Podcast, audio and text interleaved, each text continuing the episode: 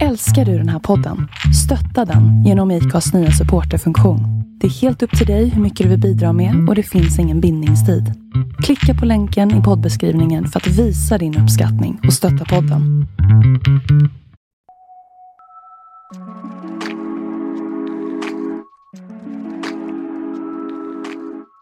Då har vi fått förklarat för oss vad som gäller när det kommer till lagar och regler. Men som eh, Viktor var inne på i den här juridiska analysen så, så är det ju omöjligt att applicera egentligen eh, egna känslor i logiska beslut när vi säger att ja, men hur ska man skydda sig från att bli utsatt för en romansbedragare? Jag tror att man ska vara väldigt ödmjuk inför att de här människorna som är beredda att gå så här långt för att göra sådana här saker, eh, de kan lura i princip vem som helst. Så det är bara att tänka dig in själv, eh, en person som du är anförtrodd till eller kanske din eh, hustru eller, eller, eller man. Tänk om den personen hade efter 4, 5, 6 år kommit fram att den har lurat dig på de här sakerna. Jag menar, ni kan ha gemensamma lån för huset och så vidare. Så visar det sig att ja, men du har blivit grundlurad helt enkelt. För att förstå det här så har vi faktiskt med oss en person som har varit med om just att blivit bedragen av en romansbedragare.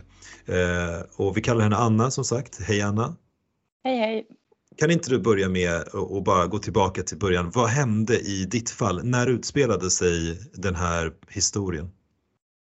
Ja, jag träffade den här personen då i någon gång i november 2019 ungefär. Ehm, på en datingapp och sen så gick det väl ganska fort att vi liksom bestämde oss för att ses istället. Och sen var det ett tag innan vi sågs igen. Ehm, och sen så rullade väl allt på och eh, ja men det var mycket såklart mycket känslor inblandat och sådär. Och sen slutade det med att eh, ehm, ja, det togs eh, lån och det betalades eh, för saker från mitt håll eh, som han hade uppgett då att han skulle betala.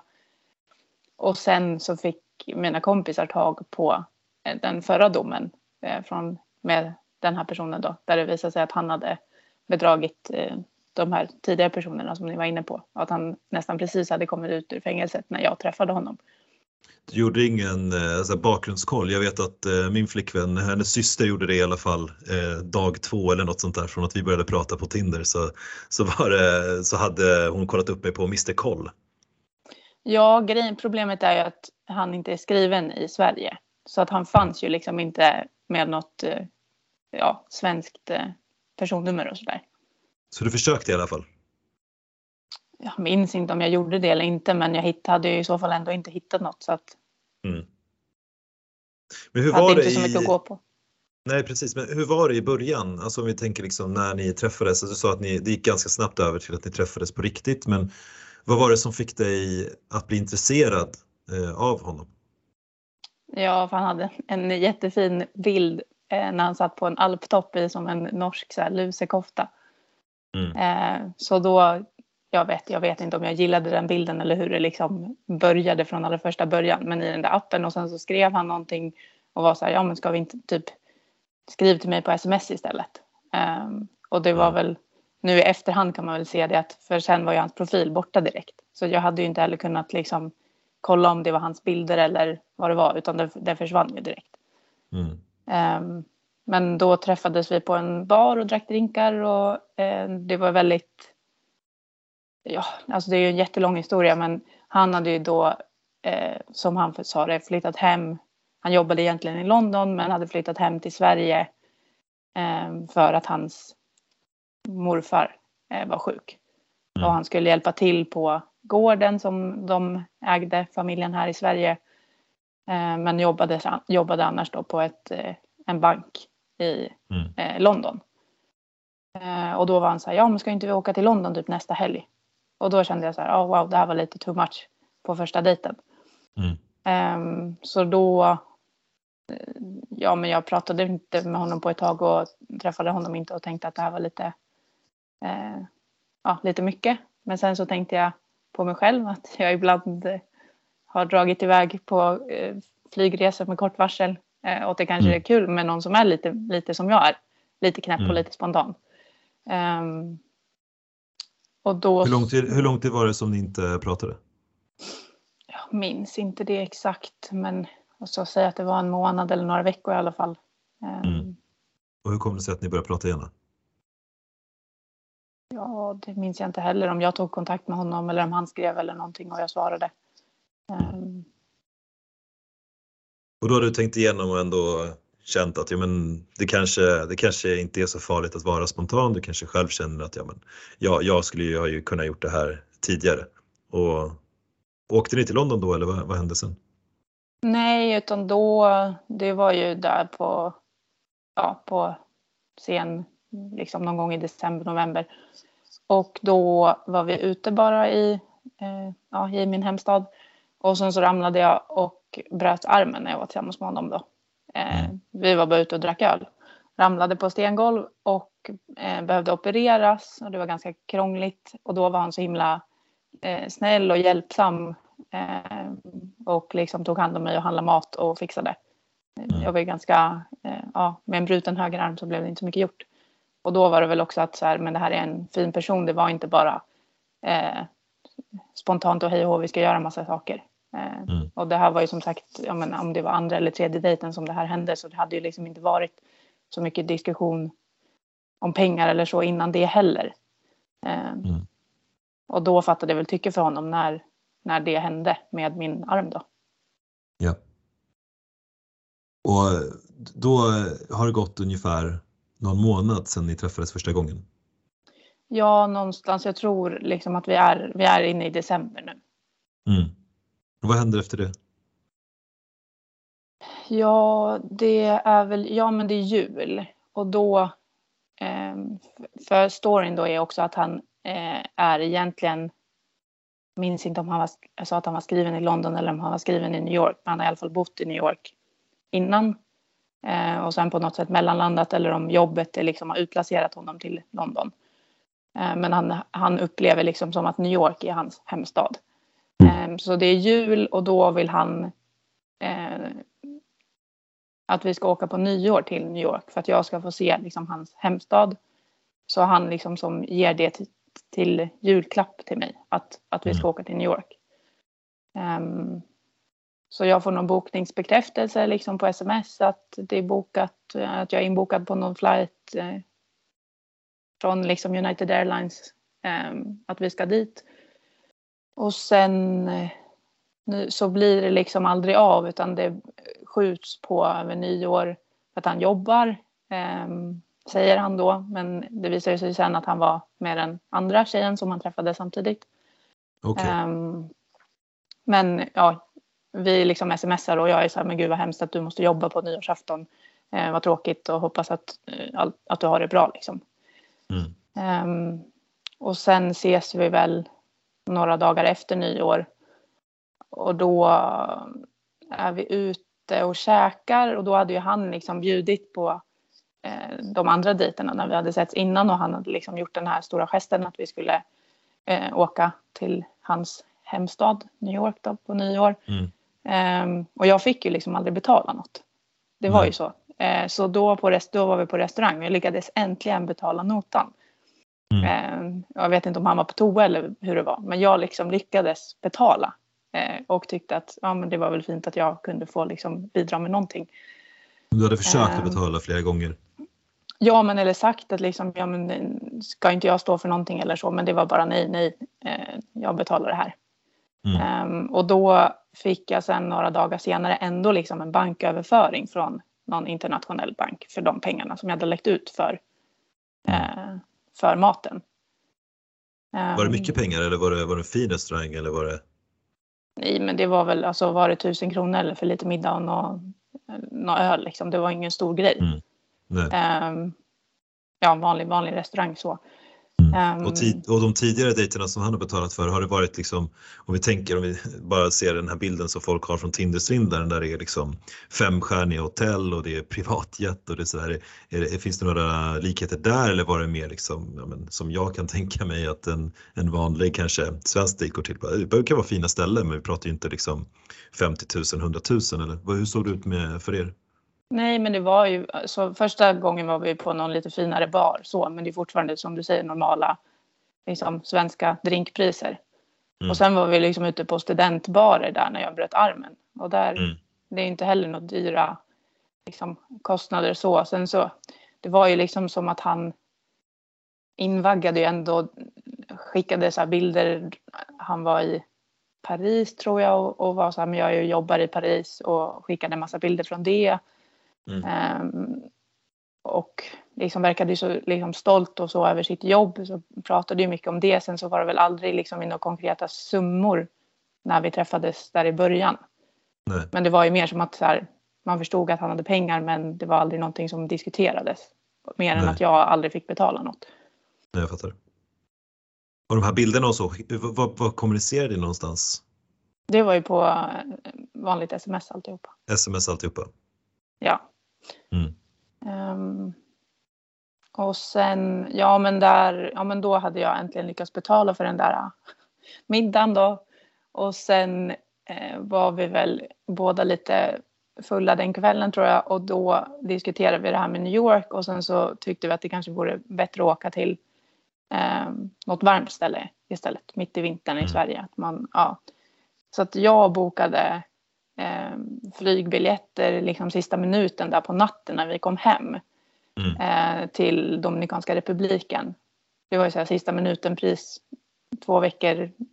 Ja, det kostade ju såklart några tusenlappar men det var inte heller något så farligt dyrt. Mm. Eh, och då kände jag väl också att det var bra att då fick jag betala för den biten. Eh, och så skulle han boka hotell. För han mm. tyckte att vi inte kunde bo på liksom något av det som charterbolaget erbjuder. Utan han skulle mm. boka eh, något annat. Och det var väl där som det liksom började skena iväg också för då bokade den något hotell. Jag tror att det kostade liksom 70 000 från, från början, själva hotellet. Mm. Um, för hur lång, hur lång vistelse? Uh, typ, ja men det var väl två veckor men jag skulle åka hem tidigare. För min pappa mm. fyllde år så jag skulle fira honom. Mm. Um, men ja, typ 70 000 och sen så när vi kom dit så skulle rummet direkt uppgraderas och det var eh, mm. massa sådana bitar. Då blev det mer Tinder-svindlarkänsla över, över hans ja, beteende? Ja, precis. Om man liksom tittar tillbaka på det nu. Eh, mm. Men det, jag uppfattade inte det som så konstigt när det var liksom för honom eh, ja, men med alla hans resor som han skickade bilder på innan och typ sov på hotell i Stockholm när han var, hade varit där och jobbat. Eh, mm. Och sådär, så det verkade inte det verkade inte så liksom avvikande för honom och det var det han, han ville liksom. Och vet du om om ehm. de här bilderna alltså, och de här resorna som han har skickat, om de eh, var riktiga eller var, var det bara någonting som han hade fabricerat? Jag tror att det är mycket av och till men ja, den andra tjejen var han ju i Paris med. Så hon mm. måste ju ha varit där men han har tagit bilder när hon inte syns. Okay. Och skickat. Så han var ju på mm. plats eh, på riktigt eh, mm. då. Och sen så var det väl också någon, han lånade någon skrivare hemma hos mig och skrev ut liksom något eh, bankutdrag från sina eh, brittiska kort liksom. Mm. Nu kommer jag inte ihåg hur mycket liksom, pengar han gjorde av med på en, men alltså, ni vet ett sånt där mm. vanligt kontoutdrag för en, en månad. Eh, mm. Men det var ju liksom väldigt mycket pengar och det var normalt för honom att, eller det var väl det han ville att jag skulle tro, att det var normalt för honom att göra av med så här mycket pengar på eh, kort tid. Var det meningen att du skulle se det här bankutdraget då tänker du? Eller vet du det kanske? Nej, det vet jag ju inte men jag tror det. Alltså varför annars skulle han lämna det hemma hos mig? Mm. Och sen var det väl också någonting som han skämtade om, liksom som han sa. Eh, att nu blir det dyrt eller någonting. Alltså, mm. Eh, att det, ja, på något sätt så, som sagt, det pratades väl aldrig riktigt om pengar så, men det var ändå mycket saker som gjorde att, att man förstod att han gjorde av med mycket pengar. Eh, mm. Hur var resan ja. där på Söder Maldiverna? Eller? Ja, i Karibien. Mm. Men ja, alltså det var, där var det också en del, vi bråkade ganska mycket där. Eh, och det var ganska tufft liksom att åka hem och typ känna som att vi lämnade i ett bråk. Um, och sen var jag och firade min pappa då så då hade jag annat att tänka på. Men sen så mm. landade det med liksom som på något sätt igen att det blev så här. Ja, det här kanske var lite väl crazy. Vi kanske ska ta det lite lugnt och göra saker eh, alltså att inte dra iväg när man inte riktigt känner varandra så bra och bo bara vi två. Det kanske mm. inte var det smartaste upplägget för att eh, skapa något stabilt så då eh, skulle vi försöka ses liksom hemma igen med lite lugnare förhållanden. Mm. Var det det ni eh. bråkade om eller vad var det ni bråkade om då? Jag kommer inte riktigt ihåg vad exakt vad det var som bråkades om. Men det var väl, jag tyckte väl att han var borta mycket. Och då sa han att han jobbade men då så låg han och hade telefonsex med den andra tjejen. Mm. Eh, det visste inte jag då men alltså ja, att mm. om vi nu åkte iväg eh, ska vi inte försöka liksom lära känna varandra och spendera tid med varandra. Eh, mm. Ja, var, det här, var, var, det här så att säga bråken började eller hade, det, hade ni bråkat tidigare? Nej, det, innan det hade det inte varit något. Ja, det kanske var någon små, små sak, men det var ju inget, inget stort mm. som hade hänt innan liksom. Och det var väl inte egentligen ett jättestort gräl heller eftersom att vi liksom ja, ändå sa att ja, det här kanske inte var så smart gjort, men vi försöker mm. och fixa till det ändå. Ja. Och vad hände sen? För sen kommer du hem och han är kvar en vecka eh, där borta och, och så kommer han tillbaka till Sverige sen eller vad? Ja precis, då kommer han ju hem. Eh, han, ja, i, på rättegången så är det någon story om att han har varit i några andra öar och sådär men jag, jag står ju kvar vid att jag tror att han bara var kvar på hotellet och åkte hem på den flygbiljetten som jag köpte. Men mm. det låter jag vara osagt för jag vet faktiskt inte vad han pysslade mm. med där borta. Och den här andra tjejen som du nämnde precis, är, är det också en svensk tjej eller är det någon som bor någon annanstans? Ja, hon är också från Sverige.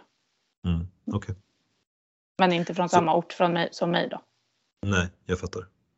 Och vad, vad händer sen då när ni, när ni kommer hem och efter att ni reder ut det här bråket?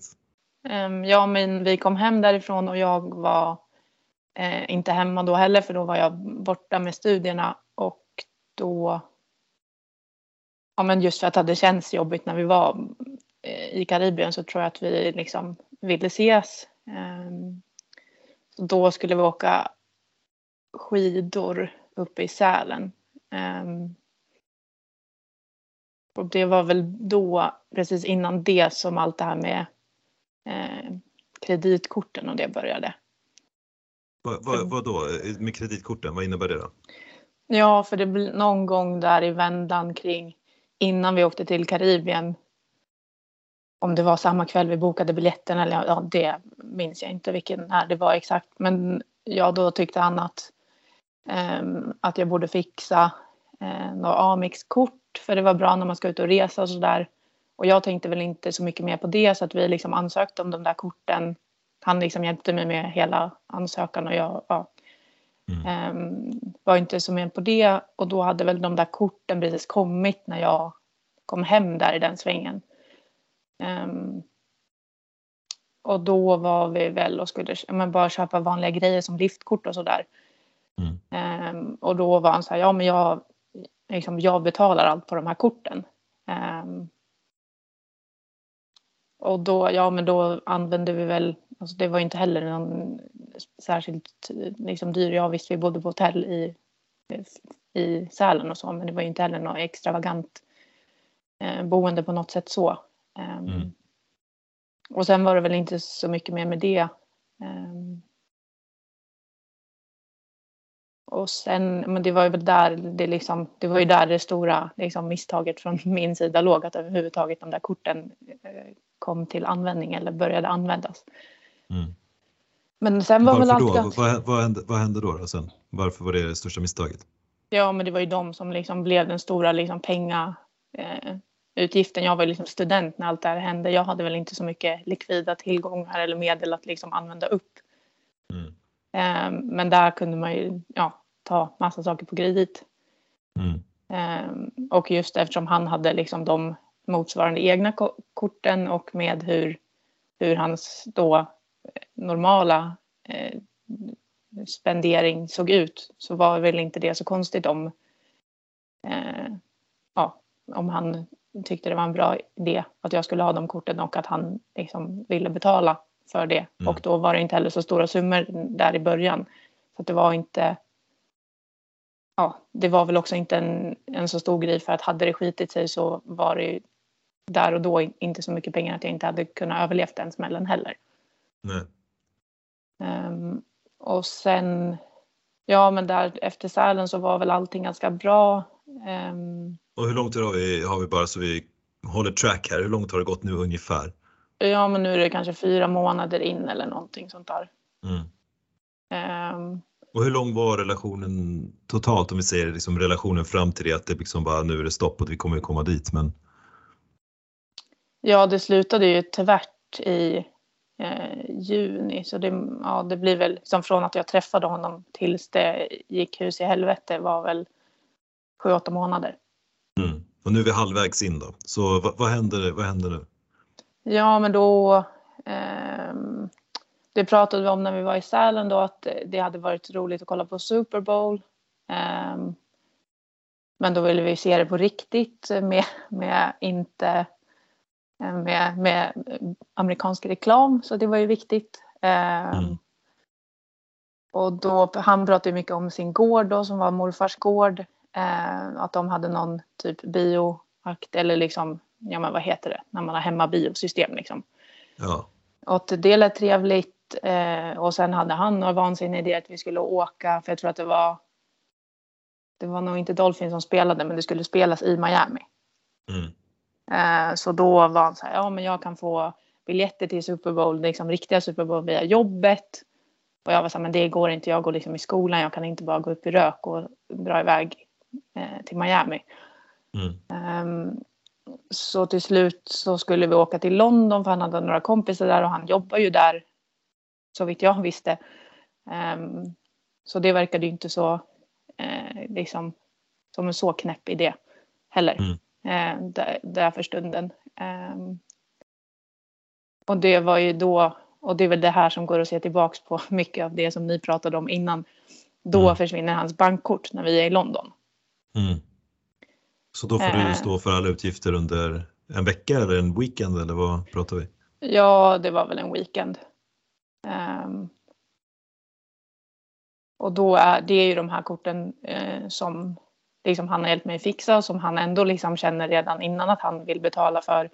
Och har liksom sagt till mig att så här, men ska du inte använda typ det här till att köpa lunch i skolan eller så, jag står för det. Mm. Um, och sen så då lämnar jag, för jag, jag måste åka hem innan honom till mm. eh, för att gå i skolan. Um, eller studera kanske heter, kanske inte gå i skolan. Ja. Um, och eh, då lämnar jag ifrån mig ett kort. För att han mm. har ju blivit av med sitt kort så annars har ju inte han något kort ja. alls. Som man gör till någon person som man litar på och som man, eh, som man tycker om. Ja men precis och det var inte så mycket så här, jaha vad ska vi göra då? Eller vad, vad är alternativet? Mm.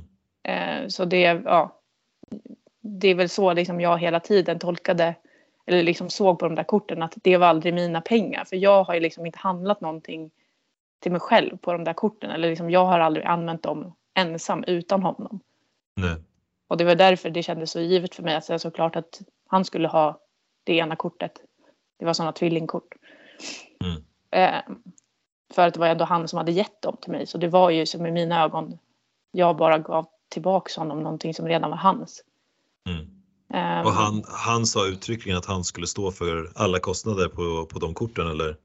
Ja, för det var ju, han ville ju liksom ta hand om mig och att här, jag var en fattig student så att han ville liksom mm. ta hand om mig och, och kände att han eh, kunde göra det för mig.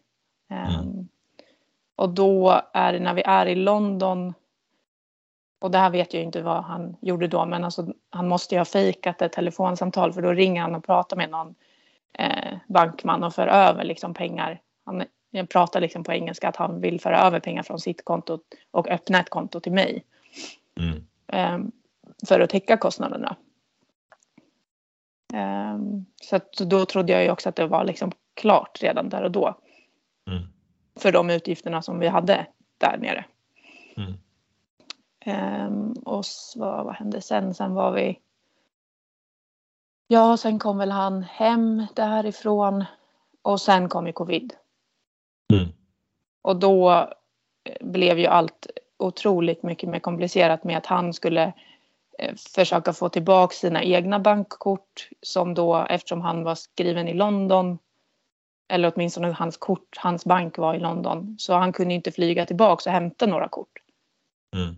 Så att han kunde ju oavsett så att då blev det ju så att han hade kvar eh, mitt kort i Sverige också eftersom att det gick inte att ja, han kunde liksom inte åtgärda det där. Mm. Um, så då rullade det bara på. Um, Rulla på, då innebär att du stod för, eller de här korten var det ni betalade eh, i princip hela, alltså allt, alla kostnader och utgifter eller?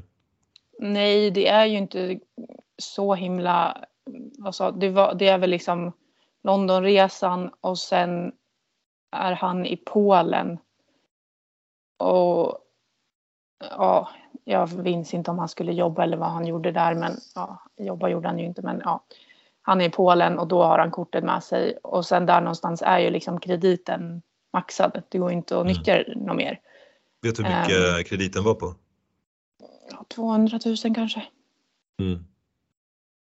Och sen så, ja men då gick det ju som inte att lösa någonting eh, längre. Mm. Eftersom att hela världen var nedstängd.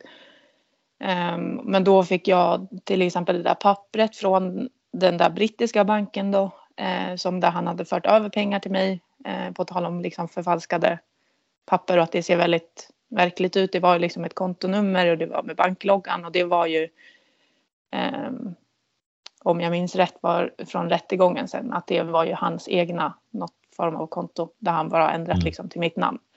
Mm. Um, men då trodde jag ju igen att allting var liksom löst. Um, mm. Och sen där någonstans så liksom började jag väl pusha på att säga, men okej okay, och pengarna som är överförda, liksom, varför har inte jag fått något?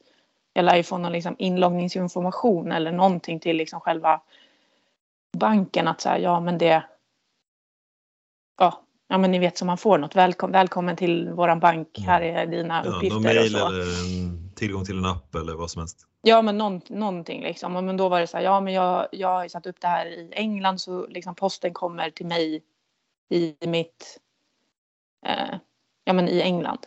Men då hade mm. han ju i alla fall den här liksom kopian på själva eh, på kontot att det fanns. Mm. Um, och här, nu, var är vi nu någonstans? Så vi tänker månader om vi säger att... Ja, vi kanske är i april, nej maj, någonstans i maj. Börjar du misstänka då... någonting här med tanke på att du ändå börjar kräva tillbaka pengar eller börjar bli lite orolig eller? Ja, men där någonstans, alltså inte, det var väl inte heller någon oro eftersom att liksom hans spenderingssätt såg ut som det gjorde så det var väl men mer att så här, varför är det bara inte gjort och typ, vad är det som tar sån tid? Men mm. inte att heller att allting kunde vara en bluff liksom, utan mer att så här, men nu varför sker inte de här sakerna? Då, nu är vi typ 6-7 månader in eller? Ja, någonstans där. Vi är liksom i maj, april. Mm. Um, och ja, men jag börjar väl liksom att na, men, okej, nu måste det här bli gjort och ändå. Men då, då är det mycket så här, men du vet ju att jag har pengar med allting som han betalade till exempel i Karibien. Um, så att det blir mycket så här mot inte mothugg och det var inte heller något, liksom, det var aldrig något bråk om det heller. Mm. Ehm, men mer att så här, men ta det bara lugnt, jag ska ordna det här. Ehm, och någon gång så har han liksom ett något telefonsamtal med någon eh, väninna från New York som är någon av hans arbetskollegor eller nära kompisars lilla syster och hon eh, ja, han lägger upp det som att hon är någon, eh, något rikt New York-barn som bor i någon lägenhet men hon har använt upp alla sina pengar på att festa så hon har inte råd att betala sin hyra. Så han mm. för liksom över 26 000 dollar till henne eh, där och då när vi liksom sitter vid, ja, sitter i soffan så gör han mm. det. Um, och det var så här, nej men jag måste prata med din brorsa sen så att vi liksom, det kan inte fortsätta så här men så här, jag, jag gör det här för dig nu för att du är så nära vän till min mm. kompis eller för att du är syskon så. Det här så sa han, det var ett samtal som du typ överhörde då eller hur? Ja men sen diskuterade han ju det med mig att så här, ja men hon är helt tokig liksom med, eh, tar inget ansvar och betalar hyran och sådär. Mm. Um, Så att det, han berättade ju sådana saker som liksom ja, som sagt hela tiden det här invaggas i att, att tro att pengar var aldrig något problem. Mm. För det är liksom om jag tittar tillbaka på det så här, vad är det jag har sett? Ja, jag har sett hans eh, det här kontoutdragen från hans kort.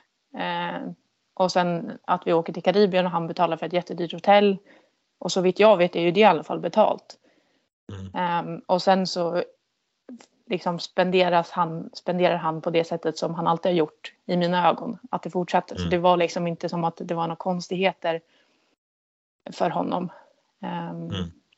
Och sen någon gång så, um, det finns också med i rättegången, så är det liksom en uh, filmsnutt från hans bankkonto. Men det är ju något, alltså någon fake app för aktier eller någonting. Men där, mm. uh, där man ser hans uh, det som han liksom uppger sig vara sitt kontoutdrag på hur mycket pengar han har. Mm. Och då är det inte heller något ja, i förhållande till så mycket pengar som det är så var det inga konstigheter att han skulle betala det i förhållande för honom då småsummorna som, mm. som vi hade mycket, gjort av med. Hur mycket rör det sig om då? då? Alltså jag, kan jag vet faktiskt inte hur, men det, det är väldigt mycket pengar. Det är i alla fall miljonbelopp och det är i dollar. Så att, mm. ja. Ja. Jag kan inte svara på det, det vet jag inte, minns jag inte nu. Men ja. Men över 10 miljoner i alla fall, svenska kronor. Ja, eh, mm. som han liksom hade som då eh, lösa tillgångar. Mm. Eh, och då hade han, det var också att han hade då äntligen köpt en lägenhet i Stockholm nu då eftersom han, ja men morfar var ju sjuk så han kanske behövde vara här lite längre än vad han hade tänkt. Mm. Um, och då sa han så här, ja men jag köpte en lägenhet för typ motsvarande min bonus på jobbet. Um, nu, och det var, då har jag ju sett bilder på liksom, lägenheten. Um, mm. Och hur han liksom pratar med någon inredningsdesigner om vilket marmor han ska ha i badrummet. Um, där han liksom visar mig i WhatsApp-konversationer när han pratar med inredningsdesigner om val av ja, diverse inredning. Mm. Vad, hände med, vad hände med den då, lägenheten? Var allt ja, bara lögn också? Inte? Ja, det, för det visade ju sig att hon den andra tjejen eh, om jag minns rätt så bodde hon i Stockholm så hon kunde väl kika in det där så jag tror hon var där och typ knackade på och träffade en äldre dam som var så här, men vi har precis köpt den här lägenheten. Mm. Och då försökte han ju ändå spela bort det som att ja men den står, det där är min moster och den står på henne för att det är jag är inte skriven här så det var inte skattemässigt smart eller ja. Det fanns ju alltid någon ursäkt som man borde ha sett igenom i efterhand men det går liksom inte att um, ja, föreställa sig att, att en person ska ljuga på så många liksom, olika nivåer och just det här att jag träffade honom i, alltså in person. Mm.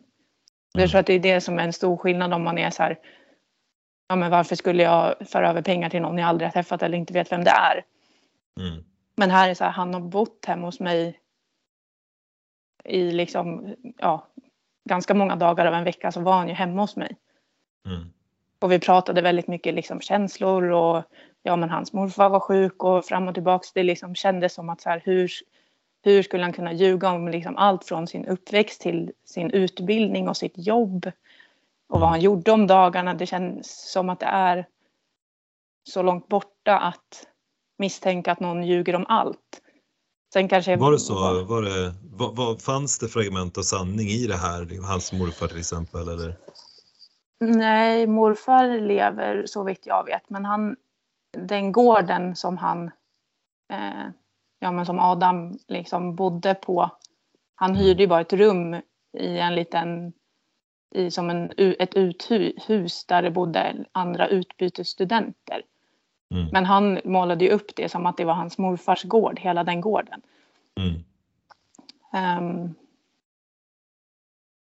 men så att, ja, jag, utbildningen är ju inte... Han kanske har läst enstaka kurser, men han har inte läst något program. Mm. Som han säger i New York. Då. Och sen så är det ju att han eh, initialt ska ha jobbat på Goldman Sachs. Och vad jag förstår så är det också helt eh, från den förra rättegången helt avblåst att det skulle vara sant. Och det mm. han sa nu var att han jobbade på eh, en bank som heter Blackrock då.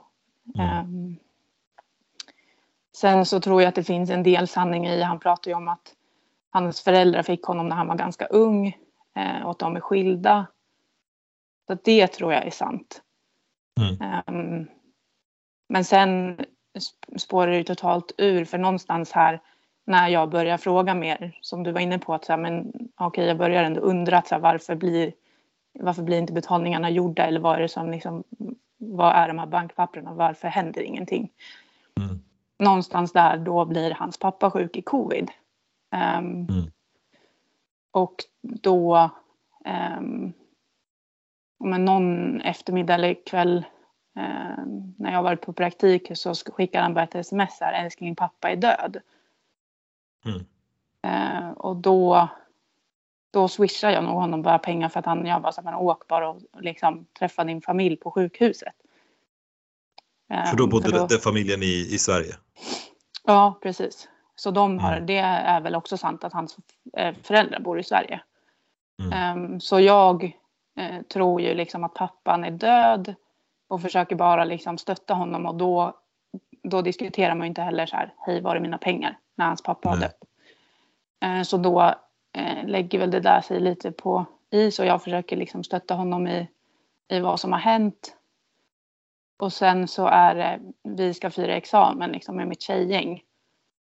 Och då eh, börjar väl där några av tjejerna fatta oråd att då blev det också bråk liksom med allihopa. Eh, Ni firade tillsammans, alltså Adam ja, och, och tjejgänget? Och det här måste vara någonstans i juni då eller? Ja, det här är liksom några dagar innan allt, allt brinner ner. Mm. Då, ja, men precis, det är liksom sommar och det är jättefint väder och då har Eh, Adam liksom sagt att vi ska åka ut till hans gård för att vi förtjänar ändå ha något firande så vi ska ja, vi spelar lite brännboll och dricker bubbel och ut och badar och så. Mm. Um, och någon, ja men någon av tjejerna fattar oråd på något sätt och kollar på brevlådorna och då så står inte hans namn som han har uppgett till mig. Och så var det en tjej som eh, också bodde där på den här gården då, eh, en av de här utbytesstudenterna som pratade med mina kompisar eh, och jag var inte liksom i den konversationen då men på någon, något sätt framkommer det då att Adam inte alls äger gården och att han bor med de andra studenterna i det här mindre huset. Hade, var det Adam som hade bjudit med henne eller var hon bara där? Liksom, det känns ganska riskabelt att bjuda med en person som, som bo, bo, skulle kunna liksom säga en sån sak. Ja, och jag har tänkt jättemycket på det här. Jag vet inte om han alltså, såg på något sätt att här, jag ställer för mycket frågor nu och att det håller på att hans liksom, plan håller på att rasera. För det framkommer sen i rättegången att han har bjudit dit den där andra eh, tjejen. Så, mm. Alltså den, an flickvän, den andra flickvännen. Dit. Jaha, okej. Okay. Så då tänker jag att hur tänkte han då? För att det måste han ju förstått att hade vi två träffats med honom sam tillsammans hade det blivit väldigt, väldigt konstigt.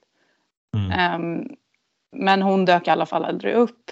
Uh, och ja, det blir utbryter bråk den kvällen.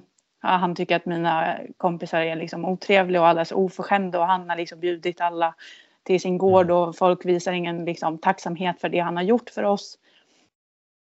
Um, så där och då, den kvällen, gör vi egentligen slut. Eh, och då ändå det sista han liksom säger innan jag åker med mina tjejkompisar är att så här, men oroa dig inte för liksom alla utgifter och det utan så här, jag ska fixa det och så här, du ska ändå få din examenspresent och så utan var mm. inte orolig. Utan det här är bara så här, vi funkar inte som ett par men så här, jag kommer ändå ta hand om det här. Var det på, ehm. om vi säger, det är svårt att avgöra såklart, men i din uppfattning var det, var det hans eller ditt initiativ som det tog slut på? Jag vet, jag tror att det var på hans initiativ. Eh, för jag var ju väldigt ledsen. Eh, så. Mm. Och sen dagen efter så är det ändå som, om, som lite återupprepning att det liksom på något sätt så ska vi ändå fixa det här tillsammans. Mm. Eh, så han kommer hem till mig och säger men jag vill ändå liksom prata. Eh, om vad som hände igår och ja. Um, och då, då, ska, då är det så här, nej men, men någon familjekompis eller någon vän eller något har något hus i Frankrike vid franska rivieran, ska inte vidare dit en vecka för att eh, fira din examen och jag är så här, men det är nu det liksom covid är liksom på sin topp, jag kan inte åka utomlands nu. Um, och vi är hemma hos mig och då skriver mina tjejkompisar du måste komma ut från din lägenhet nu.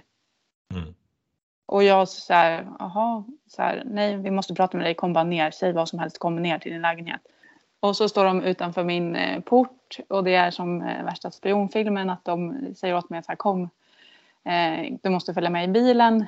Ehm, och då åker vi som ett varv runt kvarteret och de är så här, nej men vi har hittat den gamla domen mot Adam. Du måste läsa det här nu för allting är fejk, liksom allting. Mm. Um, och jag får ju någon slags eh, panik, sitter där i bilen och är så här, jaha, vad fan ska jag göra nu? Och tänkte så här, nej men nu, alltså nu går det inte att, eh, ja, det finns ingenting att göra. Och jag blev också Va? orolig. Mm. Hur, känner, hur känner du då? Vad, vad blir du orolig för? Nej men, ja men då, ja, jag fick väl bara total panik. Jag tror inte att jag liksom kunde tänka så mycket alls eh, vettigt eller logiskt på något sätt alls utan det var väl bara så här, jaha, då är det väl så här och sen så, ja. Sen fick jag ju panik igen över att så här, han är i min lägenhet nu. Vad händer om han vet att jag vet? Okej, han var kvar i lägenheten när det här hände? Ja, så han sitter i min lägenhet och jag har liksom gått ner. Jag sa typ att här, min pappa står där nere så jag, jag ska bara gå och prata med honom och se vad han vill. Okej. Så jag då, är så, här, så åker ni iväg i bilen? Ja, runt mitt kvarter liksom. Och då mm. så är jag så här, men ni måste släppa tillbaks mig nu för han kommer fatta att jag är borta och så kommer han fatta att något är fel och så kommer det liksom bli tio gånger värre. Mm. Eh, så jag åker eh, hem igen och träffar Adam och är med honom och bara låtsas som att ingenting har hänt. Hur, hur gör man det? Alltså hur känns det på insidan?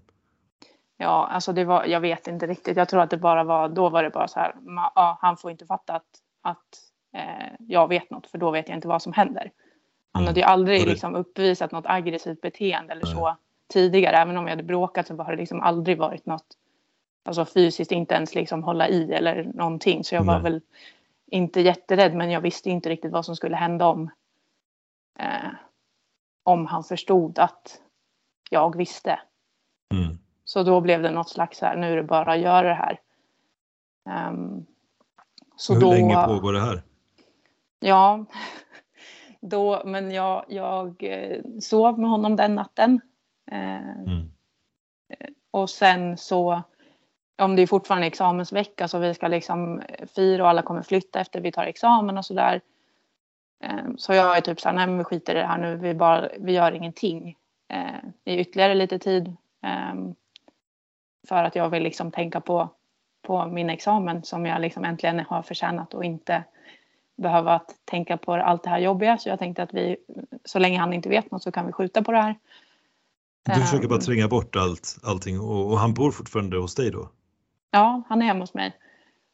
Um, och jag, någonstans så, ja, jag vet inte, det var väl någon smart idé jag fick, men att jag ändå skulle så här, en sista gång fråga honom om det här med pengarna. Mm. Eh, att så här, okej okay, men hur, så här, nu, nu, måste, nu måste vi fixa det här. Um, mm.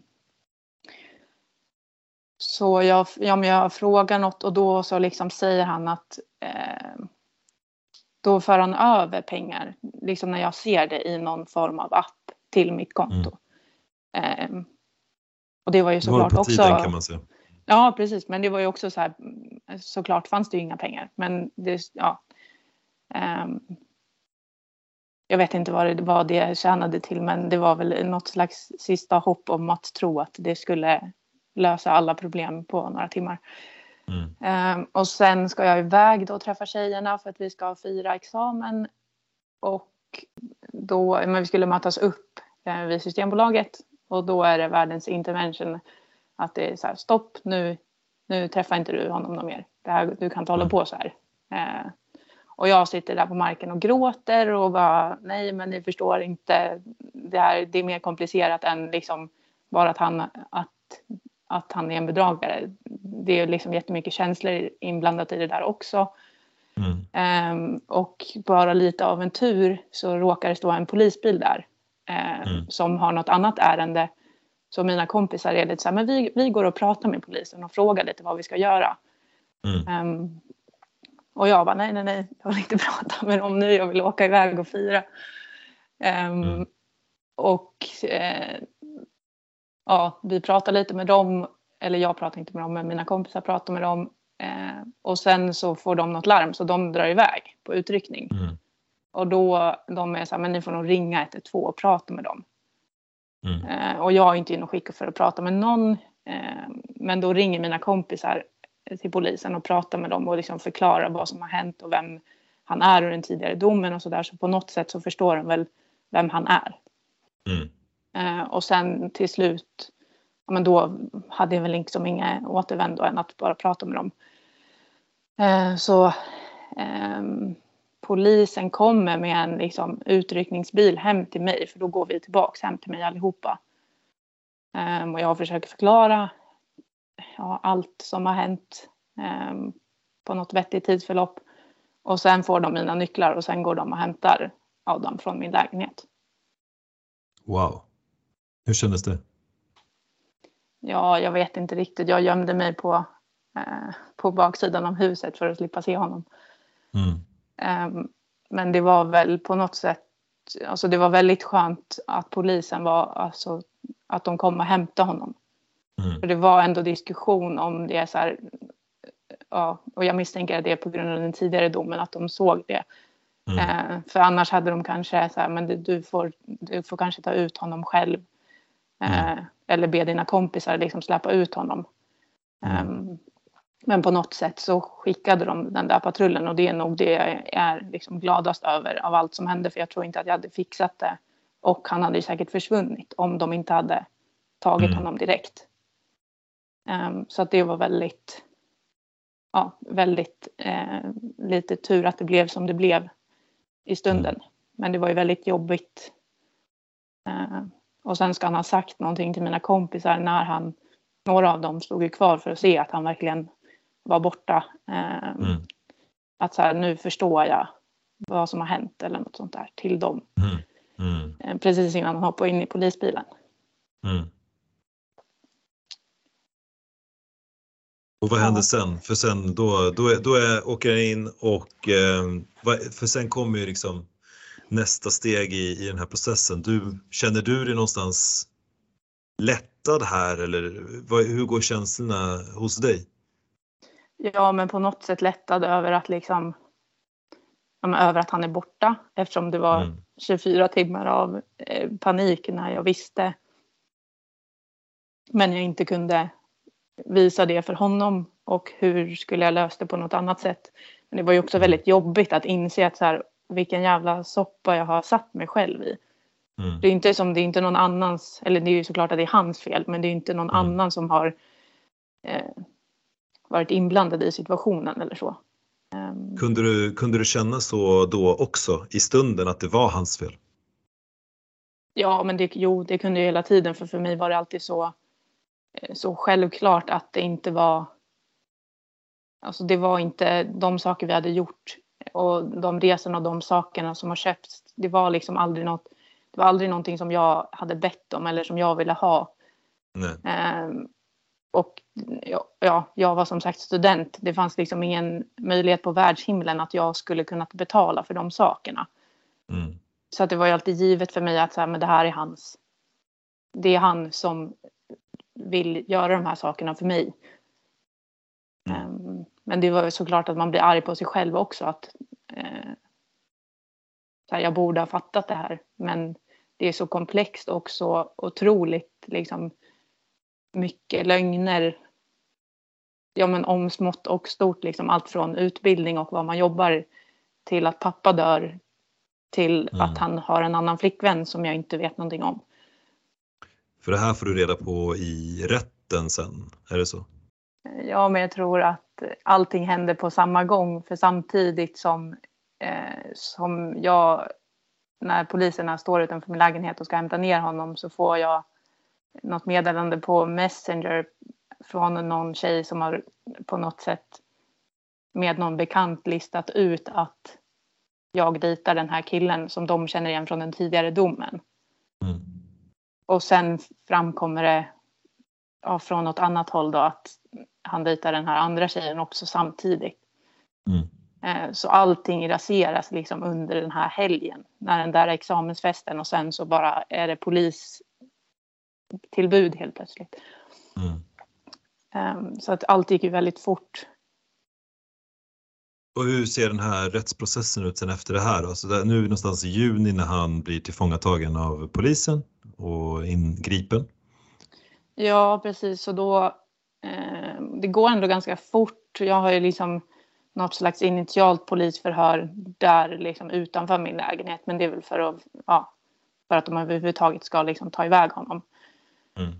Eh, sen hade vi som tomteverkstad hemma hos mig eh, med tjejerna. Så då någon sätter igång och ringa eh, Kronofogden och kolla så att det inte är massa andra konstiga grejer som finns i mitt namn. Någon mm. ringer till sådana här ID-kapnings... Ja, och ja. alla banker och allting. Så alla liksom tjejerna, några hämtade mat, några lagade mat.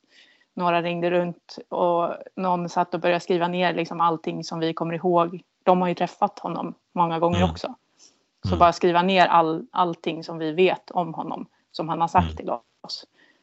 Eh, börja leta fram gamla sms. Eh, så då blev det mycket mer, eh, inte så mycket tänka och mer göra. Eh, och då visste inte jag riktigt vad jag skulle eh, vänta mig eh, med polisförhör och så. Det är liksom helt nytt för mig att hamna i den situationen. Mm. Eh, men det var nog bara några dagar senare som jag fick komma på första polisförhöret. Um, och då kom jag ju med liksom en, en stor mapp med massa grejer. Bara, här, här är alltihopa. Wow. Um, allt som jag gjort komma ihåg. detektivarbetet. Ja, men allt det här, de här liksom bankpapperna, eh, liksom viktiga delar i sms-konversationer, ja, det vi kunde, det vi som vi kunde komma på. Och mm. alla mina liksom bankutdrag och så, då lämnar vi bara det en, så här, mm. ta, ta alltihopa. Viktor, du som har jobbat eh, mycket i sådana här ärenden som eh, försvarare bland annat, vad, vad, säger du om det här agerandet att kunna få en, en mapp med liksom så, mycket, så mycket bevis som möjligt i, på det här sättet som, som Anna berättar om? Nej men det låter ju som att hon har agerat på det bästa möjliga sättet för att det ska kunna bli en så bra utredning som möjligt. För att det är, det är ju självklart så att om man själv anser sig ha blivit utsatt för ett brott så är det ju väldigt bra för att det här ska kunna utredas så snabbt som möjligt att man kan leverera ett helt paket med, med de bevisen som man själv har. För ibland så är det så att man bara kommer med en, en muntlig berättelse och sen har man inga egna, liksom, egen dokumentation eller så och sen så måste polis eller åklagare försöka få fram det och det kan bli väldigt komplicerat och, och sen så är det, en, är det bara en muntlig berättelse så, så kan det ju vara svårt att veta vad som faktiskt har hänt också. Så att, ja, hon har ju verkligen agerat på ett så bra sätt som möjligt för att det här ska kunna leda till ett åtal och sen även en fällande dom. Intressant också eftersom vi pratat om att eh, dagens teknik på ett sätt har underlättat att eh, de här sortens brott har ökat i omfattning på senaste tiden. Men ehm, på, på den positiva sidan eller beroende på hur man ser det och vem man, vem man är så eh, har ju också dagens teknik möjliggjort för just sån här form av eh, bevisinsamling, att den har ju förenklats likväl. Alltså sms-konversationer, lätt att spara ner, lätt att skärmdumpa konversationer och, och sånt som har sagts eller fi, delning av filer eller liknande. Ja absolut. Och alltså det här är ändå det som Anna har berättat, det är liksom ändå ett ganska komplicerat händelseförlopp. Och det är ju inte, alltså det har ju varit ganska sofistikerat ändå får man ju ändå påstå på ett sätt att det börjar med att, att det är han som betalar för för saker och ting och sen så går det över mer till att det är hon som betalar och, och sådär. Och, jag menar, har man ändå haft en sån en relation som, som de ändå haft i det här fallet så kan det ju lätt bli att det blir någon form av ord mot ord. Att eh, man hamnar i den här situationen, kanske det som vi var inne på innan, att det blir svårt att visa om det har funnits ett brottsligt uppsåt. Eller om det faktiskt har varit liksom, civilrättsliga överenskommelser eller, eller någon form av överenskommelser. Bara att ja, man, man har kommit överens om att eh, det är den ena parten som ska betala för allting. Att det skulle vara Anna då eftersom det är hon som har gjort det. Men mm. som jag förstår det då så har det funnits ganska mycket sms och liknande som visar på att någonting annat. Och, och det har väl tillsammans då med hennes berättelse som hon har lämnat till rätten har väl varit det som har kunnat vara avgörande för att, eh, för att det här ska kunna leda till en fällande dom. Mm.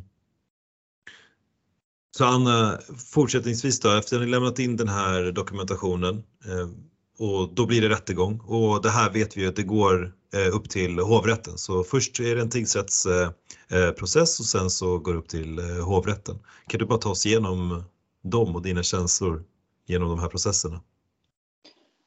Ja, det var väl liksom svårt att sätta sig in i liksom, hur kommer allting gå till och hur, oh, vad ska jag liksom förvänta mig och hur, ja, hur ser det ut liksom. Men då har man ju ändå, jag fick ju ett målsägande beträde som liksom hjälpte mig och coachade mig igenom den biten. Mm. Um, men det går ju ändå inte att liksom jämföra med hur det är på riktigt, att någon har liksom suttit och ritat en karta över så här, så här ser det ut i, och här kommer du sitta och här kommer han sitta och Mm. Det går liksom inte att jämföra med att, eh, att se honom i den liksom, miljön på det sättet. Också när man vet att ja, men han har liksom suttit på någon slags anstalt i väntan på rättegången. Eh, mm. Och ja, det var väl väldigt mycket känslor att ja, med hela rättegången och sen att det drar ut på tiden är ju jättejobbigt. Det blir liksom, höll på i flera dagar och älta det där. Um, mm. Och höra så mycket och sen var det ju jättekonstigt att träffa den här andra flickvännen. Hon mm. var ju med Som och vittnade. Du, visste, du visste inte att hon existerade? Nej, precis. Um, men det är ju också en liksom, uh, ja, fantastisk tjej som har uh, supportat mig mycket mm. också i efterhand. Ehm. Så ni har funnit stöd i varandra någonstans genom den här processen? Ja, alltså vi har väl aldrig, vi har ju aldrig liksom kommit varandra nära eller att det har blivit så, men vi, när allt var över så sågs vi och tog ett glas vin. Mm. Ja, skönt. Men under den här processen, det som kommer fram här, vad, vad liksom, bringar det någon form av klarhet till dig eller är det så att det är bara jobbigt eller känns det liksom någonstans förlösande att pusselbitarna börjar någonstans falla på plats?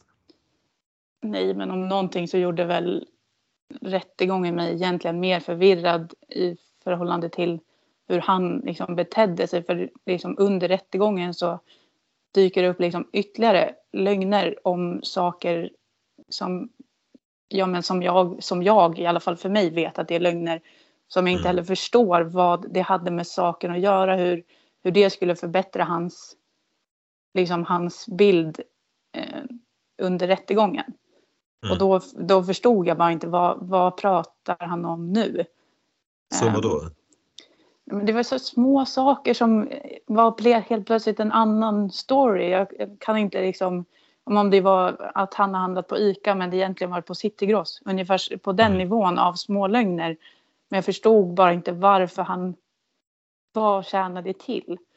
Mm. Um, Sen var det väldigt jobbigt att, ja, det är också en story i sig, men hans advokat har ju vi liksom träffats. Jag har ju hängt med de två innan. Så det var inte så kul mm. att se dem som något slags eh, Bill och Bull radarpar eh, på rättegången heller. Du var en kompis till, till honom? Ja, så de kände nog inte varandra innan, men mm. vi har liksom varit ute och typ druckit drinkar tillsammans som har sen dragits på mitt kort för mm. den här advokaten också. Och det var en väldigt mm. märklig situation att se ja, advokaten där som någon slags support till honom. Och borde inte han ha vetat om något då? Eller ja, det blev som en ytterligare lager av förvirring i eh, allt som hände. Mm. Men ja, jag önskar nog inte en sån rättegång på någon och just att det drog ut till ja, men, att det skulle överklagas det kunde jag väl ha listat ut men ja, jag tror att jag tappade liksom en byxstorlek den sommaren och åt knappt någon mat. Det var liksom bedrövligt. Mm. Eh, för någon slags psykisk hälsa att försöka eh, ta sig igenom det där. Mm. Fick du något stöd? Eh, alltså hur, hur var din supportstruktur? Jag tänker hemifrån, du verkar ändå ha ditt, ditt tjejgäng och de här vännerna och, eh, som, som hjälpte dig igenom det här. Ja, jag hade ju, det blev ju ännu liksom mer uppsamling efteråt, jättemycket stöd från familjen och både liksom föräldrar, eh, pappa var ju med och vittnade eh, och sen var mamma och tittade på rättegången och syrran och sen min kusin var där någon sväng. Och sen dök det ju upp liksom gamla kompisar som, ja men det blev ju ändå liksom nyheter. Så mm. gamla vänner som kom och åt lunch med mig och så där under rättegången. Eh, och sen var det flera av tjejerna som var med och vittnade också eftersom de hade träffat honom under eh, hela den här tiden. Mm. Och sen så, jag vet inte vad det heter men det vet ju säkert ni, sådana här liksom inte kvinnojourer men alltså en samtalsperson som man får när man liksom pratar med polisen första gången så får man något nummer att så här, du kan ringa de här för att ventilera. Någon helt utomstående person som man inte känner. Mm. Um, som... är, det, är, det, är det något som är vanligt Viktor? Eller? Ja, det är, nog, eh, det är nog ganska vanligt, men jag vet inte exakt vilka, vilka du syftar på. Nej, jag tror att det är jag tror att det är juriststudenter som gör det som något slags ideellt arbete, att de hjälper. Mm. Och kan ju också svara lite på hur, eh, ja, men hur, hur rättegång och sådär går till. För det mm. var ju väl också inte helt givet att jag skulle ha ett målsägande beträde. Eh, så då ja, blev, ja, misstänker att man kan få en sån person annars om man inte har det. Vill du förklara lite snabbt hur det går till Viktor? Eh, ja, nej men alltså målsägande beträde det kan man ju få i vissa fall om, om, eh, om rätten anser att man är i behov av det. Det kan ju vara viss, viss typ av, av brottslighet eller eh, om det är en liksom, känslig situation på något, något sätt. Om det är allvarligare brott så brukar man alltid få det. Och så är det, är det någonting som inte är särskilt allvarligt så, så brukar man inte se något behov av det. I det här fallet så, så fanns det väl dels ett ganska stort skadeståndsanspråk och, och sådär och, och ehm, eh, det fanns ju också en viss allvarlighet i det här brottet. Jag vet inte exakt vad skälen var varför du inte skulle fått det från början. Var det någonting de sa de någonting om det eller kommer du ihåg det? Nej, det var nog aldrig någon diskussion från början att jag inte skulle få det. Eh, utan det, det, var ju så här, du har, du har rätt till det, vill du, ha, vill du välja någon eller har, ska vi anställa eller anlita en åt dig så. Men jag tror att det var diskussion upp till hovrätten för då behövde de liksom ansöka som igen att få fortsätta vara mitt, eh, samma person, fortsätta vara mitt målsägande beträde. Så det var väl nog, nog mer diskussion till andra rundan. Ja. Ja, nej men precis. Nej men då förstår jag. Nej men det, så brukar det vara att då brukar man liksom få det till tingsrätten och sen skälet till att alltså i hovrätten så blir det ju en, en annan typ av rättegång eftersom att i, i tingsrätten det är där man tar upp alla bevis. Alltså det är där man håller alla vittnesförhör och det är där man hör både den tilltalade och, och målsäganden. Sen när man kommer till hovrätten så spelar man ju upp alla, alla de förhören om det inte är så att det ska ha kommit till något vittne då eller om det ska ske något tilläggsförhör av någon anledning att man har extra frågor till någon. Så att processerna är väldigt olika. Jag vet inte om det var hur det var i din process. Var det några nya förhör eller så i, i hovrätten eller var det bara uppspelningar? Nej, jag tror att det var mest uppspelningar för det var ju några dagar som vi inte behövde vara där. Um, men jag, möjligt att det var några um, oklarheter liksom som behövde redas ut. Men det kändes inte som att det var, det var inte alls samma um, process. Och i sådana fall var det nog mindre, ja men snarare klargörande än att det var nya förhör. Ja, precis. Nej, men man har gjort så för att liksom effektivis effektivisera processen för att man inte ska behöva ta upp samma sak igen. Förut så var det ju så att man, man hade inte den här uppspelningsmöjligheten utan då var alla tvungna att komma igen och så körde man samma förhör en gång till. Vilket inte är speciellt effektivt då. Ehm, och plus att det kanske blir liksom andra svar på frågorna. Ehm, så. Det är ju så att hovrätten måste ju ändå titta igenom de inspelningarna såklart, men, men parterna behöver ju inte se dem igen för de har ju, var ju, man var ju där vid första tillfället. Så. Ja, men precis. Ja, men det, ja, men det var bara, det var ju en lång och utdragen process och sen så överklagade de ju såklart till Högsta domstolen också. Så det blev ju liksom aldrig något slut på, på det här för mig förrän i typ december eller någonting. Så det var liksom mm. från juni när hela polis eh, började fram till december när jag liksom fick det slutliga på pappret att så här, nej, Högsta domstolen kommer inte ta upp det här så hovrättens beslut liksom kvarstår och då är den liksom äntligen träder i laga kraft. Så det var ju liksom jättejobbigt att det aldrig blev klart. Mm. Och vad blev straffet? Ja du, det var ju en skadestånd på typ 380 000 kronor. Sen minns jag inte vad själva eh, fängelsetiden blev. Och sen så blir det komplicerat för att han var häktad så himla länge så mm. han kom väl ut snabbare än ja, vad det var beräknat också. Eller ja, det räknas ju på något sätt som jag inte kan.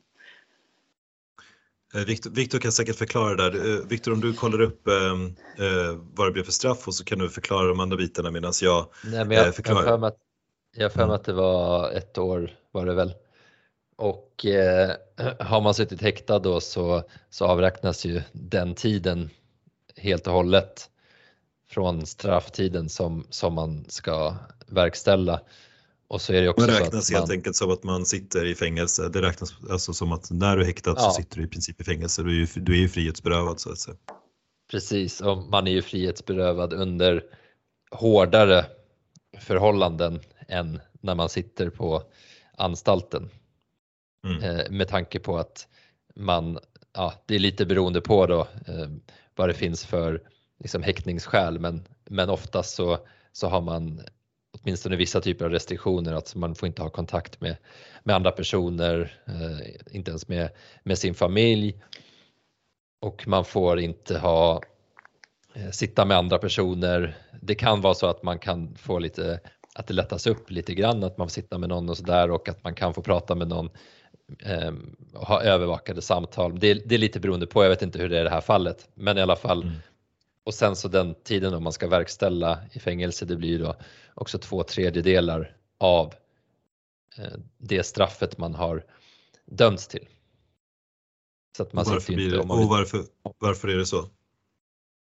Nej, för att det, det, det är ju så att eh, enligt svensk lag att man avtjänar två, två tredjedelar och sen så när man suttit två tredjedelar så, så släpps man fri men då har man en prövotid under en viss tid vilket innebär att om man begår nya brott då så kan man då, om man blir dömd till ett, ett nytt straff så, så kan man liksom ta tillbaka den delen som man hade kvar om man säger så, så att man måste avtjäna det mm. också. Mm. För så tror så, jag att det blev i det här fallet. För att han borde ju rimligen ha blivit utsläppt efter två tredjedelar och sen så tidsmässigt när han träffade mig och satte igång. För det, jag tror att det står att det är liksom i det sista att han ska av, ja, något visst mm. antal dagar från den förra domen också. Just det, du mm. tänker på den precis. Eh, fängelsedomen eh, som han hade innan han träffade dig? Ja, precis.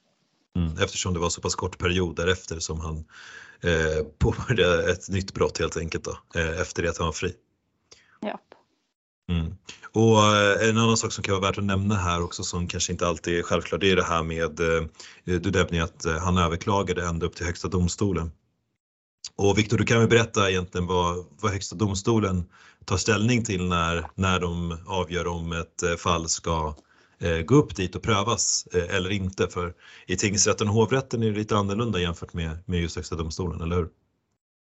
absolut. Alltså i, i tingsrätten så, så prövas ju då alla mål där det väcks åtal så prövas ju tingsrätten och sen i alla mål där man döms till fängelse så har man rätt att få det prövat i hovrätten. Om man inte döms till fängelse utan bara döms eh, till böter, då krävs prövningstillstånd även i hovrätten. Så det är inte säkert att, att alla mål eh, kommer prövas i hovrätten också.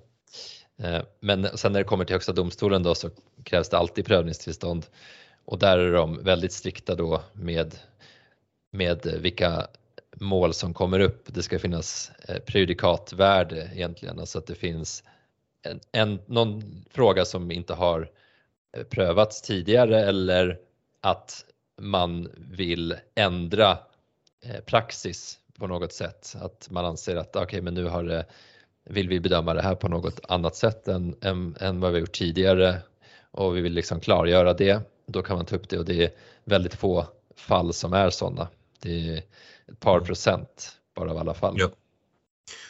Så eh, i det här fallet så bedömer man egentligen inte då, eh, alltså man ska inte pröva om fallet egentligen utan det man ska göra är i Högsta domstolen, de tar ställning till, är det här fallet unikt på något sätt eller utifrån de aspekterna som du nämner, eh, finns det finns det ett intresse för rättsapparaten att, eh, att vägleda samhället i den här frågan. Och så har man kommit fram till att nej, det fanns inte helt enkelt. Och då eh, fastställer man hovrättens dom. Ja precis, då blir, vinner hovrättens dom laga kraft så det blir den som, som gäller då.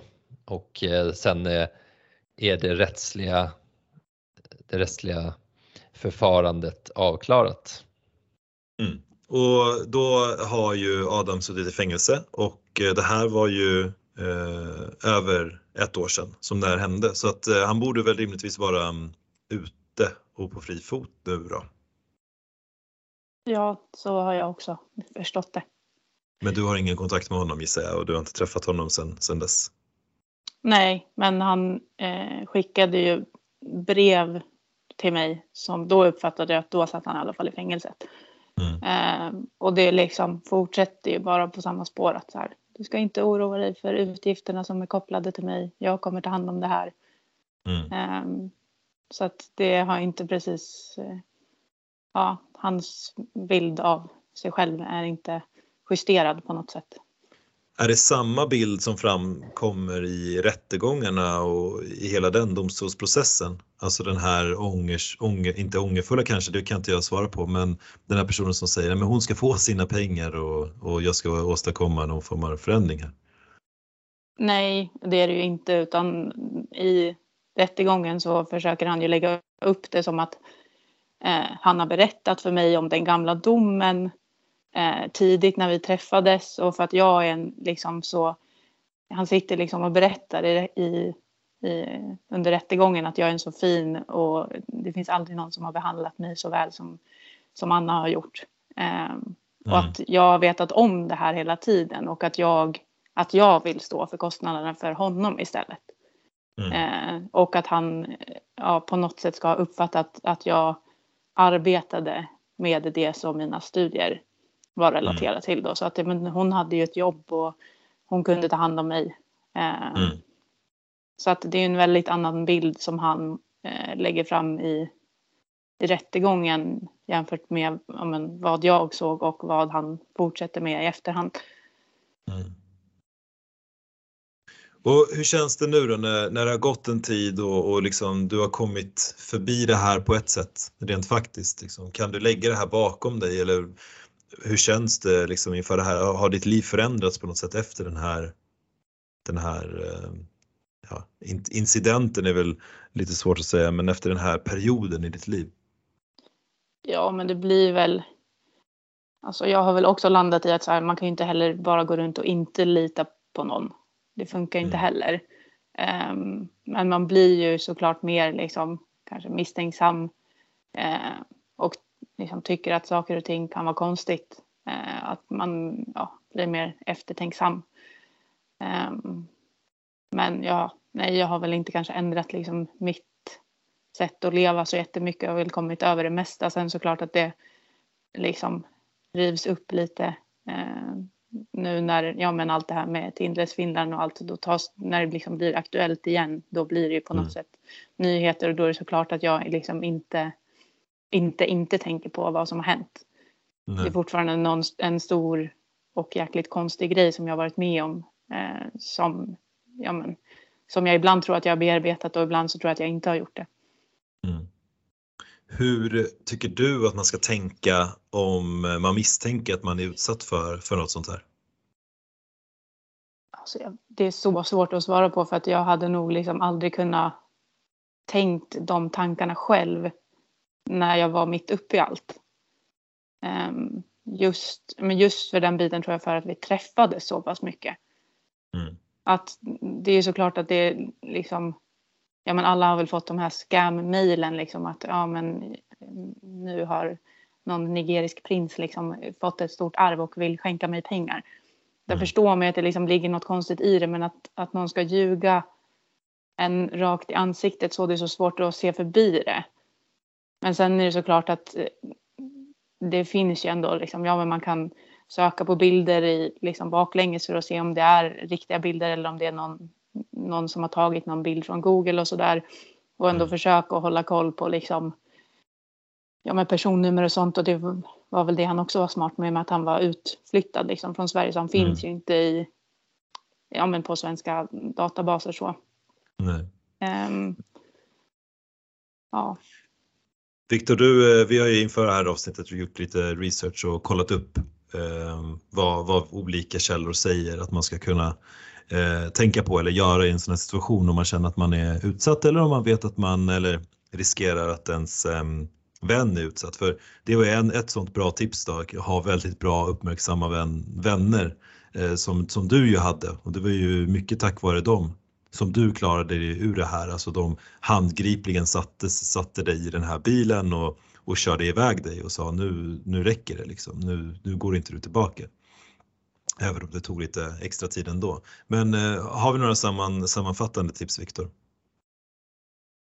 Ja, alltså för oss, alltså det är på något sätt svårt att, att säga hur man ska tänka och vad man ska göra innan man själv har varit i en sån här situation. För jag tror att alla de flesta skulle ju, det som vi har varit inne på lite tidigare, alltså alla de flesta skulle väl på något sätt skriva under på att, att man aldrig skulle kunna tänka sig att man själv skulle kunna bli utsatt för något sånt här. Och liksom, sådana här saker som att man inte ska skicka pengar till, till någon som, som man inte känner. Det här är inte nu har inte Anna blivit utsatt för något sånt här utan det hon har blivit utsatt för är en, en, en annan typ. Inte kanske riktigt den här som är bara liksom internetbaserad. Det är den som, som, som mm. kanske den som sprider sig mest av alla typer av romansbedrägerier. Så att hur man ska tänka i en sån situation som hon har varit, det, det är nog betydligt svårare att ge några generella tips. Men för det blir på något sätt så pass verkligt. Eller det är ju, det är ju verkligt. Alltså man mm. har ju en person framför sig och, och, och, och, så. Hur ska, man, hur ska man kunna föreställa sig att det är på det här sättet? Men om man, om man eh, blir kontaktad av någon på internet och, och som ber en att skicka pengar så, så kanske ett tips är att det kanske inte är så bra att göra innan man faktiskt har träffat den här personen på riktigt. Mm. Och då kanske det inte räcker med att man har sett några bilder eller att man ens har pratat på telefon eller till och med i någon form av videochatt. Mm. Utan då kanske man, man, man kanske ska passa sig från det och, och framförallt så ska man inte, är nog inte så bra idé att man tar lån för att bekosta eh, någon annans kostnader. Så på det sättet som vi var inne på tidigare eftersom mm. man kanske inte tänker på det men det är ju faktiskt man själv som blir ansvarig för sådana lån som man, man tar. Mm. Och sen ja. så såklart att göra en, en, en research på något sätt och går inte att göra en research när kanske det är ett varningstecken. Mm. Ja. Och, och sen så blir, blir, ja. blir, man, ja, blir man utsatt så eller märker man att, man har, att, att det är någonting som, som är fel så, så, så borde man nog agera på det så fort som möjligt. Precis som det som Anna berättade i och med att när hon insåg vad det faktiskt var som hade hänt, att man mm. snabbt samlar ihop alla bevis man kan tänka sig. Man mm. sparar ner sms-konversationer, eh, chattar, man kanske har mail, man kanske har mm. all typ av elektronisk kommunikation. Det kan vara det som är avgörande och sen försöker så fort som möjligt titta om, om det finns några öppna, om man är exponerad på något sätt genom några konton eller liknande som en annan person har tillgång till. Så att mm. man, man verkligen agerar snabbt och inte blir passiv och, eh, och eh, handlingsförlamad. Lätt att mm. säga men, ja, men väldigt viktigt. Ja, nej, men det är väl bra att ha med sig det i bakhuvudet. Jag tänkte avslutningsvis då. Eh, i, det här, I det här fallet nu så, så är det ju så att eh, du skulle få ett skadestånd på, ja, vad sa du, 380 000 kronor? Ja, precis. Och har, har, du fått någonting av de pengarna? Nej, och det är det som är liksom det problematiska. För det första så har han redan den här första domen då emot sig. Mm. Eh, så det hamnar, liksom ärendet hamnar ju att jag har fått eh, stå för de kostnader som har uppringats och sen har jag som ett ärende mot honom i Kronofogden. Mm. Men det mm. kommer liksom aldrig bli något av det eftersom att han ska först betala av de här 1,4 miljonerna eller vad det nu är från dom mm. nummer ett innan, innan det står på tur eh, att jag får några pengar. Mm. Och Viktor, hur ska, hur ska Anna tänka här för att få ut sina pengar? För att hon har ju ändå en fällande dom som säger att men, hon ska få 380 000 för att, och inte bara för att alltså sved och verk utan här pratar vi ändå om att ja, det är ju sådana pengar som faktiskt har varit hennes bland annat och som ska tillbaka så att säga. För det, det kan ju vara så, jag vet inte jag exakt hur det ser ut men vi pratar om det här med lån och även krediter. När man tar kreditlån alltså på kreditkort då kan det ju tillkomma ganska saftiga räntesatser där om de inte betalas i tid och så vidare. Ja, nej, det är ju precis som, som du säger, hon har ju en, en eh, exekutionstitel i den här domen, alltså hon har fått en fastställd fordran och den här personen som kan verkställas. Men det går ju inte att verkställa den om det inte finns några pengar, så är det ju. Och där hamnar hon ju i en situation som där det inte finns någonting hon kan göra egentligen för att det är den personen som är ansvarig för att betala hennes skadestånd. Och eh, kan man inte få någonting från precis som vi var inne på förut, vi pratade om, om, om banken eller från försäkringsbolaget, om de säger nej till allting. Så vi har ju en myndighet i Sverige som heter Brottsoffermyndigheten där man kan få vissa typer av skadestånd utbetalda ifrån om eh, gärningsmannen inte kan betala. Och då är det eh, i första hand är det ju för eh, alltså liksom personskador som man drabbas av. Det kan vara liksom kostnader för eh, eh om man har behövt, behövt vara på sjukhus, man har haft inkomstförluster från att man varit sjukskriven och så även sved och värk. Och sen har vi den här kränkningsersättningen, det är den som man får eh, baserat på vilket brott som har blivit begånget mot den och då menar man med kränkningsersättning så om det har skett en allvarlig kränkning av ens person, frihet eller frid, då kan man också få det utbetalt från Brottsoffermyndigheten i, i brottsskadeersättning. Men när det kommer till eh, saker eller som det här då, det är ren förmögenhetsskada, mm. så är det ingenting som ersätts eh, av, av, brotts, eh, av Brottsoffermyndigheten utan det kan finnas vissa undantag där de kan göra det men som huvudregel så, så gör de inte det. Så att det, då, då blir det väldigt svårt att, att kunna få, få tillbaka de här pengarna. Och hur tänker du nu Anna inför framtiden och, och, utifrån, jag antar att du visste det här redan, men eh, vad, vad är känslorna framåt? Liksom, vad, hur, vad, vad, har du tagit med dig från det här? För någonstans så måste ju du leva vidare ditt liv eh, och så. Ja, men jag, det är svårt att säga, men jag har väl tänkt att så här, ja, men jag, jag jobbar nu eh, och inte studerar längre och det är väl egentligen bara eh, fortsätta eh, framåt liksom. Eh, det finns inte så mycket, ja, men som sagt, det kommer inte, det kommer inte komma tillbaka några pengar. Det är bara att inse att så är det. Mm. Så det är inte så stor idé att liksom älta det här så mycket utan nu är det något som har hänt men så får det väl, så får det väl vara nu. Mm. Okej, okay. Då tackar vi dig så jättemycket för din medverkan och vi hoppas ju att i och med det här avsnittet att vi ska kunna hjälpa andra personer som kanske är eh, i en liknande situation som dig eller kanske har varit eh, eller ja, människor som skulle kunna ha hamnat i en sån här situation att vi kanske kan få dem att eh, ha lite tankar top of mind för att man kanske inte ska hamna i en sån här situation och vi hoppas ju att vi Eh, ska kunna bidra till att vi lever i ett samhälle som ska fortsätta kunna vara eh, jag vet inte, ett sånt där vi tror på människor och att människor inte ska kunna agera på det här sättet gentemot varandra. Eh, för att det är ju liv som förstörs helt enkelt. Det är eh, otroligt tragiskt.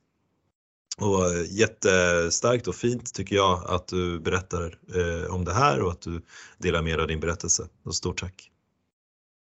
Ja, tack själva. Thank you.